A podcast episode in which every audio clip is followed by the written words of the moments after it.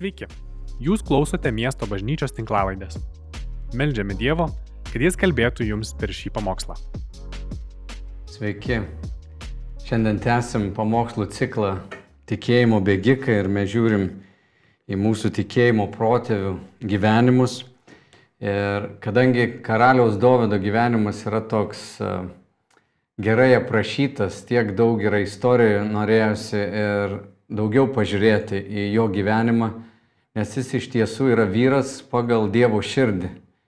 Ir jeigu apie kažką Dievas yra pasakęs, štai vyras pagal mano širdį, kuris įvykdys visus mano norus, manau, kiekvienas iš mūsų, kurie norėtumėm įtikti viešpačiui, jam patikti ir imituoti e, tų tikėjimo vyrų gyvenimą, galim tikrai praleisti laiką ir pamatyti, kuo vadovavosi jie. Ir šiandien norisi pažvelgti tokį vieną konceptą, kuris labai, na, yra svarbus mūsų santykiai su Dievu. Hebrajų kalboje nėra žodžio atsitiktinumas. Atsitiktinumas, ką mes dažnai lietuviai sakytumėm, na, yra kažkas vat įvyko, e, nieks to nenulėmė, kažkaip netyčia atsitiko. Ir hebrajai tiki, kad jeigu nėra kažkokio žodžio jų kalboje, tai tokio koncepto nėra. Vadinasi, viskas, kas įvyksta, yra nulemta, yra iš anksto numatyta ir visa tai turi prasme. Žodžiu, visa, kas įvyksta, turi savo autorystę. Ir Dovydas tai labai gerai suprato. Kai mes skaitom jo psalmės, pavyzdžiui, 139 psalmai, jis kalba apie tai, kad Dievas pažįsta jo mintis, kol jos dar net netėjo jo galvą. Dievas žino, ką jis kalbės, kuris bus, sako, kur mano tavęs Dieve pasislėpti net jei pragarą nusileiščiau, ten tu, jei pakilčiau į dangų, tu ten, aš jeigu pasidaryčiau sparnus kaip, kaip, kaip perelis ar kaip balandis, nuskriščiau kažkur viešpadė, tu visur esi. Tu pažįsti mano kelius ir jis meldžiasi sakydamas, ištirk mane viešpatė, ištirk mano mintis. Pažiūrėk, ar neinu aš nedoreliu keliu, kalbėkis su manimi viešpatė, nukreip mano žingsnius. Žinoma, ateistas negali tikėti tokiomis tiesomis, jam tai beprotystė. Žmogus, koks nors mokslininkas gali būti beproto išprusęs, įgudęs kažkokioj srity, bet nebūtinai jis viską apie gyvenimą supranta. Juk puikus fizikas, sėdėdamas kokiam koncerte, gali paaiškinti, kaip skamba natos, bet ne visada galės paaiškinti, kas įvyksta žmogaus širdie besiklausant puikios simfonijos.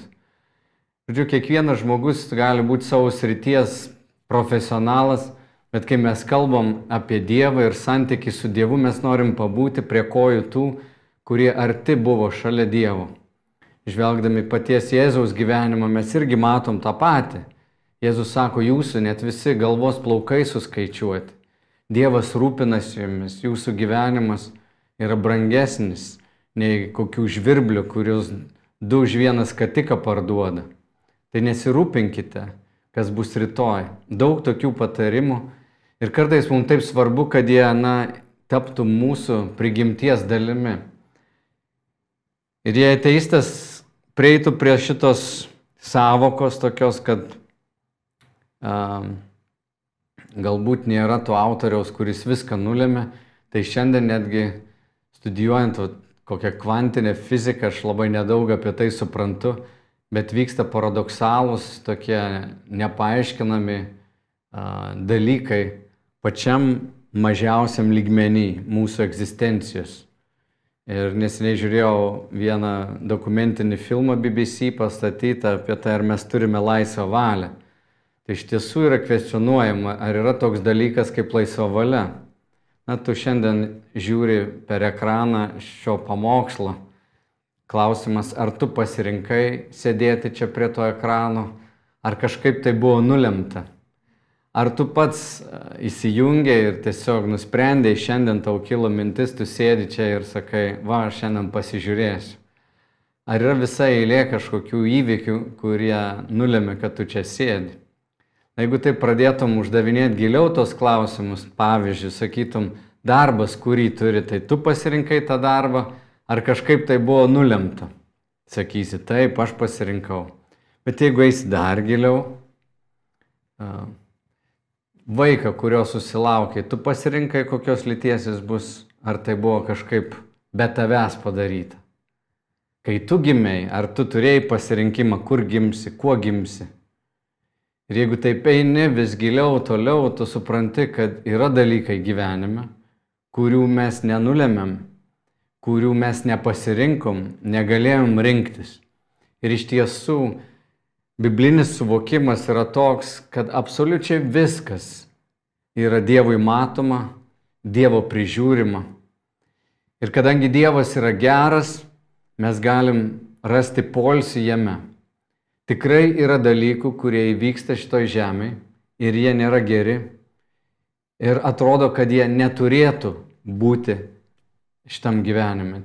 Tai neturėtų pasiekti mūsų ar žmonių kalbam apie kokias vagystės, prievartą, žudimus, tokius milžiniškus dalykus kaip holokaustas, kaip koncentracijos stovyklos tarybų Rusijoje. Kai pagalvoja apie tokius dalykus, sakai, taip neturėtų būti ir mes protunel visai galim paaiškinti, kaip tai galėjo įvykti. Bet viskas yra nulemta. Tik žinom apie Dievą, kad jis nėra blogio autorius. Dievas nekuria blogio. Kadangi jame nėra ne nusukimuose atsirandančio šešėlio, jis yra visiška šviesa ir visiška tiesa, vadinasi Dievas negali sukurti tai, kas yra tamsa. Šviesa negali pagaminti tamsos. Tamsa yra tiesiog šviesos nebuvimas. Taigi, kai žvelgiam į Dovido gyvenimą, mes na, matom tokius, tokias istorijas, kurias norisi man šiandien paliesti ir pažiūrėti, kaip Dovydas tvarkėsi vat, su iššūkiais savo gyvenime. Viena tokia situacija yra, kai jam tapus karaliaus Sauliaus konkurentu, kai jis buvo pateptas būti karaliumi, prieš jį pateptas karalius Saulis, kuris yra toks kūniško tikinčiojo įvaizdis, tokio natūralaus sielinio žmogaus paveikslas, Saulis nusprendžia sunaikinti Dovydą ir jis jį persekioja. Ir aplink Dovydą susirenka e, apie 600 žmonių, kurie nepritapo, įvairūs nusikalteliai, prasiskolinę, kažkokių malonių negavę šitam gyvenime žmonės, tokie nuskriaustieji Bet man atrodo, jie yra tokie ir tiesos ieškotojai, nes jie prilimpa prie Davido, kuris įsikibęs į Dievą. Ir štai jie mato tą Davido kančią, kaip jis yra nesažiningai persekiojamas, jis slapstosi visur. Ir vieną tokį momentą, kai Saulis išgirdęs po karo su filistinais ateina pagauti Davido, Davido vyrai sako, štai dabar momentas, kada tu gali atkeršyti. Ir Saulis įeina į uolą, įlenda tenais ir Dovydas pasislėpęs oloje prieina prie Sauliaus ir nupjauna a, vieną jo rūbų dalį, tokį skverną nuo jo apsiausto.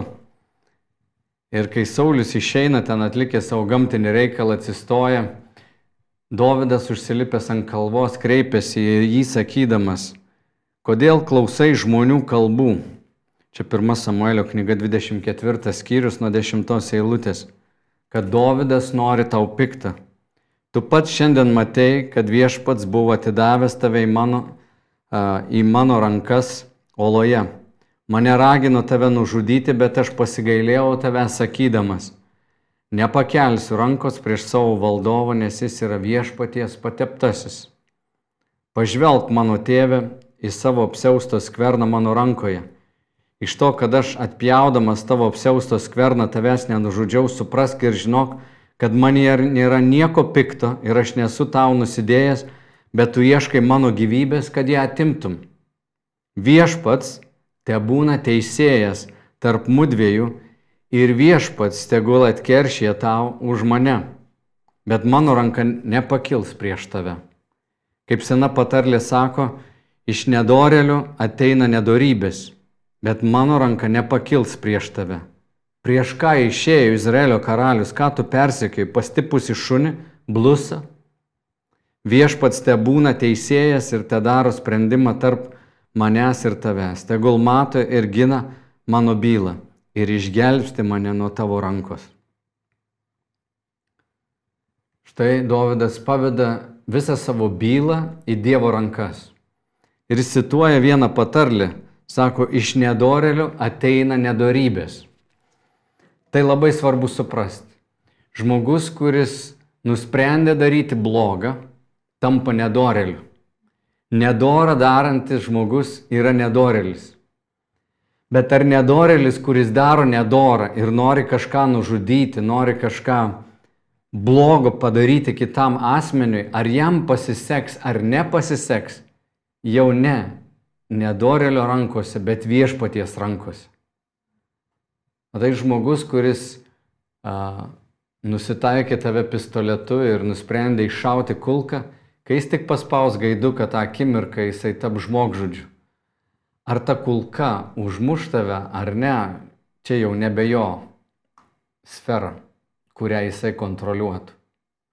Kaip svarbu tai suprasti. Mes matom Dovydą, kuris sako, viešpats tegul būna teisėjas, bet aš nesirinksiu būti nedorelis aš nesirinksiu būti kerštautojas. Aš stengsiuosi to išvengti savo gyvenime, darysiu tik tais gerą, bet savo bylą pavėsiu į Dievo rankas. Štai tikėjimas, štai pripažinimas, kad aš ne pats savo priklausau, bet viešpačiui Dievui. Įspūdinga tai matyti, kai tai liečia žmogaus gyvenimą. Jeigu jisai būtų užmušęs Saulių, čia pat visas Izraelis būtų pasakęs, turim naują karalių. Oficialiai jis pateptas, Samuelis jį palaimino, išliejo ant jo aliejų, štai žmogus, kurį Dievas išsirinko, bet Dovido gyvenimas jau nebebūtų nesuteptas. Dovidas būtų patapęs žmogžudžiu. Ir mūsų gyvenime labai panašiai. Atsiras situacijos, kuriuose mes būsim išbandyti ir Dievas ištirs mūsų širdį ir ją pasvers. Ar aš būsiu kerštautojas, ar aš eisiu atsilyginti, ar galėsiu palikti tai Dievo rankose. Kita situacija jau kitam 1 Samuelio knygos 25 skyriui. Atsitinka tokia situacija, kad Dovydas, kuris slapstosi su savo 600 vyrų, jie ieško, kur jie galėtų pavalgyti, bet jie įkuria tokią kaip stovyklą šalia vieno vyro Nabalo, jo vardas reiškia kvailys, prie jo kaimenis. Nabalas labai turtingas žmogus, turi 3000 avių, turi 1000 oškų. Ir Davido vyrai jį prižiūrėjo, prižiūrėjo jo tas avis ir visam tokiam regione, kur 3000 avių lankosi pavojų pilna gali bet kas ateiti, tuos keletą piemenų užmušti ir pakengti jiems, gali visas avis išsivesti, bet Dovydas su savo vyrais nusprendžia tiesiog būti kaip tie piemenys, kurie saugojo Nabalo avis, sako, jie buvo mums kaip siena, diena ir naktį ir niekas mums nepakenkė. Ir ateina avių kirpimo diena, ateina laikas, kada galim kažkokį derlių nuimti iš avių, Ir Dovydas pasiunčia jaunuolius pas Nabalą, sako, na atsilygink, mes prižiūrėjom tavo vis, gali pasiklausti savo jaunuolių piemenų, kad viskas buvo ok, mes juos prižiūrėjom, žodžiu, buvom draugiškose santykiuose. Ir Nabalas atšauna tiems jaunuoliams, kuriuos Dovydas pasiuntė, sako, pilna čia visokių pabėgėlių, visokių vergų, kas tas Dovydas? Pilna jų, po visą Izraelį laksto, kodėl aš dabar turėčiau čia kažkam atsilyginti. Mes matom, ką padaro išpuikusi širdis. Turtas yra išbandymas. Kai žmogus tampa turtingas, kartais jis tampa ir kvailas arba arogantiškas. Išdidus žmogus visada yra kvailas. Visada. Kvailybė yra kaip išdidumo vaikas. Ir Nabalas, nepagalvojęs, tiesiog ištarė tuos žodžius Dovydas išgirsta šitą atsakymą, pasiema 400 vyrų, 200 palieka su manta visa ir sako, šiandien važiuoju ir ne vienas iš Nabalo namų neliks gyvas. Apie tai pranešama Nabalo žmonai Bigailiai, kuris supranta, kad šiandien visi jos namai, ji pati visi prapuls. Ir išmintinga moteris greitai surenka didžiulę mantą dovanų, duonos, mėsos ir pasitinka Dovydą. Ir kai Dovydas jodamas sunaikinti Nabalo namų, pamato ją, pamato visas tas dovanas, klausia, kas tai yra. Ir jinai parpuolusi prie jo kojų 24 eilutė kalbėjo, valdove, ant manęs te būna kaltė. Meldžiu leisk savo tarnaitai kalbėti ir išklausyk ją. Mano valdove, prašau nekreipti dėmesio į tą belialo žmogų Nabalą, nes koks jo vardas toks ir jis pats. Nabalas jo vardas ir jis pilnas kvailumo. Aš tavo tarnaitė nemačiau savo valdovo jaunuolių, kuriuos buvai atsiuntęs. Ir štai paklausyk. Dabar mano valdove, kaip viešpats gyvas ir gyva tavo siela, viešpats sulaikė tave kad nenusikalstum, pralėdamas kraują ir keršydamas savo ranką. Tavo priešai, kurie siekia pikto mano valdovui, tegul tampa kaip nabalas. Štai dovanas, kurias tavo tarnaitė atgabeno savo valdovui, atiduok jas jaunuoliams, kurie seka mano valdovą. Atleis savo tarnaitai nusikaltimą. Viešpats tikrai pastatys mano valdovui tvirtus namus, nes tu kovoji viešpaties kovas ir tavyje nerasta blogio per visas tavo dienas. Įrūpinasi Dovido reputacija ir sako, tu esi nekaltas, nesusitepk dabar. O jei kas tave persekiotų ir tavo gyvybės ieškotų, tai viešpats tavo Dievas saugos tave, o tavo priešų sielas jis nuves kaip, nusvies kaip metyklė. Kai viešpats įvykdys visą, ką jis tau pažadėjo ir tave padarys Izraelio valdovu, Tai nereikės mano valdovui liūdėti ir jo širdis nesigrauž, kad be reikalo praliejai kraują, norėdamas pats atkeršyti. Kai viešpats padarys gerą mano valdovui, atsimink savo tarnaitę. Štai kokia išmintis. Jie atpažįsta Dievo kelius. Ir tie, kurie pažįsta viešpati, žino ne tik apie jo stebuklus, bet žino jo kelius. Geriausia, ką tu ir aš galim patirti šiame gyvenime, pažinti viešpaties kelius.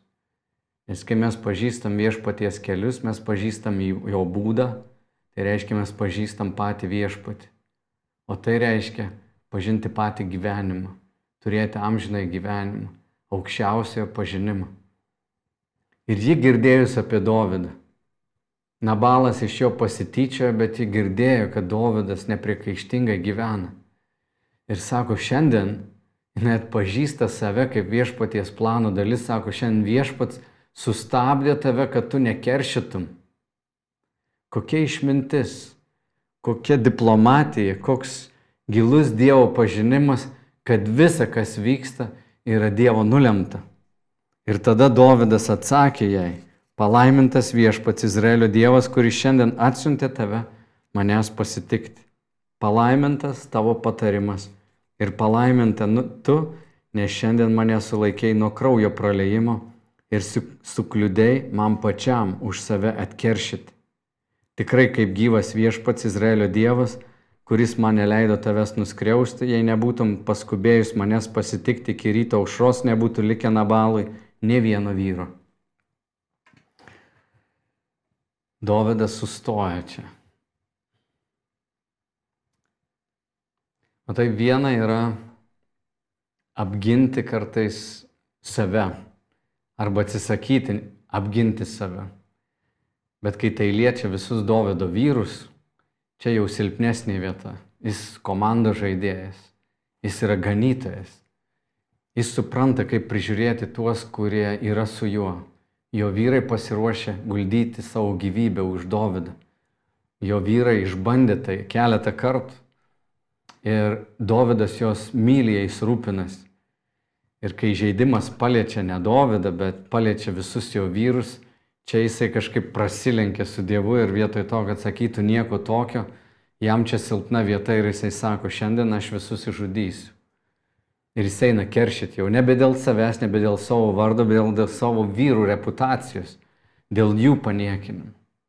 Ir iš tikrųjų gyvenime gali tai būti. Štai 24 skyrius Dovydas pasielgia labai taip protingai, jis nenužudo Sauliaus, skaitom tolimesnį jo gyvenimo epizodą ir jis pasiruošęs pralieti kraują dėl šito įžeidimo, apginti savo vyrų reputaciją. Ir jeigu viename kažkame tu nesuklupsi, gali būti, kad tu būsi išbandytas kažkame kitame, kitoje kažkokioje situacijoje, kai tau kils noras atkeršyti dėl savo vaikų, gal dėl savo giminės, dėl bendradarbių, dėl kažko. Visi mes turim tam tikrus mygtukus, kuriuos paspaudus yra kaip toks sužadinimas mus įpykti užpykti, kerštauti. Mes visi turim tas silpnasias vietas, kur paspaudus mums skauda ir kažkas mumise sureaguoja. Kai sukyla ta vietas noras eiti ir kovoti už save, kerštauti, neužmiršk, kad viešpats leido, jog šitas dalykas ateitų iki tavęs. Atsimink, kad jis stebi, kad jo radaras į tave atsuktas. Ir Dievas nori tave padaryti kitokiu žmogumi netgi smulkmenuose kažkokiuose viešpats mus išbando. Smulkmenuose tu gali būti patikrinamas, ar tau kerštauti ar ne. Vakar vakare nuėjau su žmona kavos išgerti. Sėdžiu senamesti, privažiuoja žmogus su gražia mašina, labai gražia mergina. Jie išlipa, pasistato mašinos prie lauko staliukų. Ir kadangi laukė taip karšta, jis automobilio žinoma neišjungia variklio, nes ten oro kondicionierius, mašina birbė prie mūsų staliuko, įsieina, kavos pasiema, geria kavą, rūko cigaretę, bendrauja, mašina čia brrr, dūmai visur eina. Man jie toks noras, kaip dabar pasakysiu, aišku, nenorėjau, kad jis man trenktis toks didelis, raumeningas galėjau įsivelti kovą, tai išmintis mane sulaikė. Bet kita ta pusė tokia žmogiškoja, kur vėlgi taip paėmė ir pasveri savo širdį palą. Aš nežinau to žmogaus, aš nežinau, kas čia vyksta, nors nu, galiu pakentėti. Jeigu čia būtų nedorybė, kurią reiktų, už kurią reiktų kovoti, na, tikrai galim būtų pakovoti. Ir Dievas pašaukė mus būti druska, šviesa. Bet yra situacijos, kurios tiesiog mūsų erzina, bet galbūt kitų neerzina ir nėra jinai jau tokia kenksminga. Žmogus įlips į vėsę mašiną ir išvažiuos, jam bus gerai, jis mažiau susinervins ir gal avarijos nepadarys, gal kito žmogaus nesužeis. Ką žinau, bet mano širdį toks mini testas, čia smulkmena, aš nelyginu to su kažkokia gyvenimu iš tikrais išmėginimais, bet tie tokie pasirinkimai, Ar aš noriu valdyti savo gyvenimą? Ar aš galiu pasitikėti, kad visame kame Dievas turi savo planą? Ir paleisti, vat, paleisti į Dievo rankas situacijas, manau, yra didelė išmintis. Jeigu Dievas tave sužadins veikti, tai bus šventas pyktis ir tu žinosi, kad Dievas yra su tavimi ir jis lydi. Tai aš dabar ne apie tai kalbu, bet daug dažniau mumise sukyla ne šventas pyktis, bet mūsų noras atkeršyti. Ir tas tikėjimas, kad viską Dievas yra nulėmęs ir kad galiausiai visi žmonės turės atsiskaityti, kaip Jėzus sakė, už kiekvieną savo ištartą žodį, gali leisti tau vilsėtis. Kai tavo širdys viešpataus ramybė, pasitikėjimas gilus Dieve, tu sukursi daug daugiau gėrio šitoje žemėje ir būsi daug ramesnis ir primtinesnis Dievo tarnas nei tas, kuris nuolat bėgioja ir visiems keršia. Štai paštalas Paulius laiškė romiečiams sako, nekeršykite patys mylimieji, palikite tai rūstybei, nes parašyta mano kerštas, aš atmokėsiu, sako viešpats. Todėl jei tavo priešininkas alkanas, pavalgydink jį, jei trokšta pagirdik jį, taip darydamas tu sukrausi žaries ant jo galvos. Nesiduok pikto nugalimas, bet nugalėk piktą geru. Štai pasirinkimas. Pasirinkimas daryti priešingą. Jeigu mes mylim tik tuos, kurie mus myli, tai kokio atlygio mes nusipelnėm? Argi nusidėjėliai nedaro to paties? Argi nedori žmonės nedaro to paties? Bet jeigu mes mylim tuos, kurie mūsų nekenčia, jeigu darom gerą tiems, kurie mums yra pikti, tai mes sulauksim atlygio iš viešpaties. Vienintelis būdas tau turėti tokią priežastį taip elgtis yra žinojimas, kad galiausiai Dievas, gyvų ir mirusių teisėjas, suves visas sąskaitas dienų pabaigoje. Ir jis nepastatė nei tavęs, nei manęs būti tų sąskaitų suvedinėtojų. Jis nepastatė mūsų būti pasaulio teisėjais. Mes per nuolankumą, per tarnystę, galbūt vieną dieną būsim tie, kurie teisim angelus, kaip Paulius rašo. Mes gal būsim tie, kurie vykdysim Dievo teismus. Bet šiandien mūsų darbas pasitikėti juo ir leisti Dievui veikti. Samuelio šitą istoriją, ne Samuelio, atsiprašau, Dovido istorija baigėsi Nabalo mirtimi. Kai Abigailė pasakė savo vyrui, kad Dovido vyrai jau buvo pakeliui, jis tą vakarą vietoj to, kad Dovydą pamaitintų ir jo vyrus iškėlė karališką puotą, prisigėrė, žmona nieko nesakė, nes jo protas buvo truputį išėjęs pasivaikščioti tą vakarą.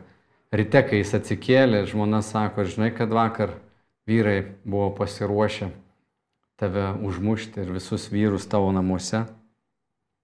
Tai kai jis tai išgirdo, jo širdis apmirė jame, jis sustingo kaip akmuo.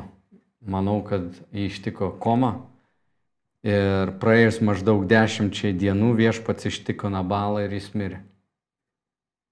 Dešimt dienų po to įvykio teismas pasiekė Nabalą. Dovydas liko švarus.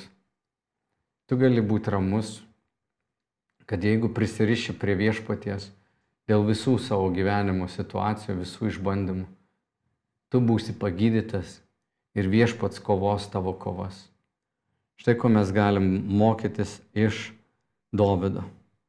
Ten, kur Dovydas laikė save kaip blusą, kaip pastipusi šunį, buvo nuolankus ir suprato, kad man nereikia savęs prastumti, nereikia savęs parduoti ir įkišti kitiems, nereikia lipti per galvas. Dievas laimina ir buvo su juo. Vėliau jo gyvenime buvo išbandymai, kuris pats lipo ant galvų ir susilaukė Dievo teismo, nes Dievas nėra šališkas. Bet kai mes žiūrim į savo tikėjimo bėgimą ir norim nubėgti iki galo, nežiūrėk kartais nei kairį, nei dešinę, kad kažkam sekasi arba kažkas tau nori pakengti. Prisimink Dovydą ir prisimink, kad viešpats irgi yra su tavimi. Jo šventoji dvasia gyvena tavyje. Ir išbandymas šiandien liečia tik tave.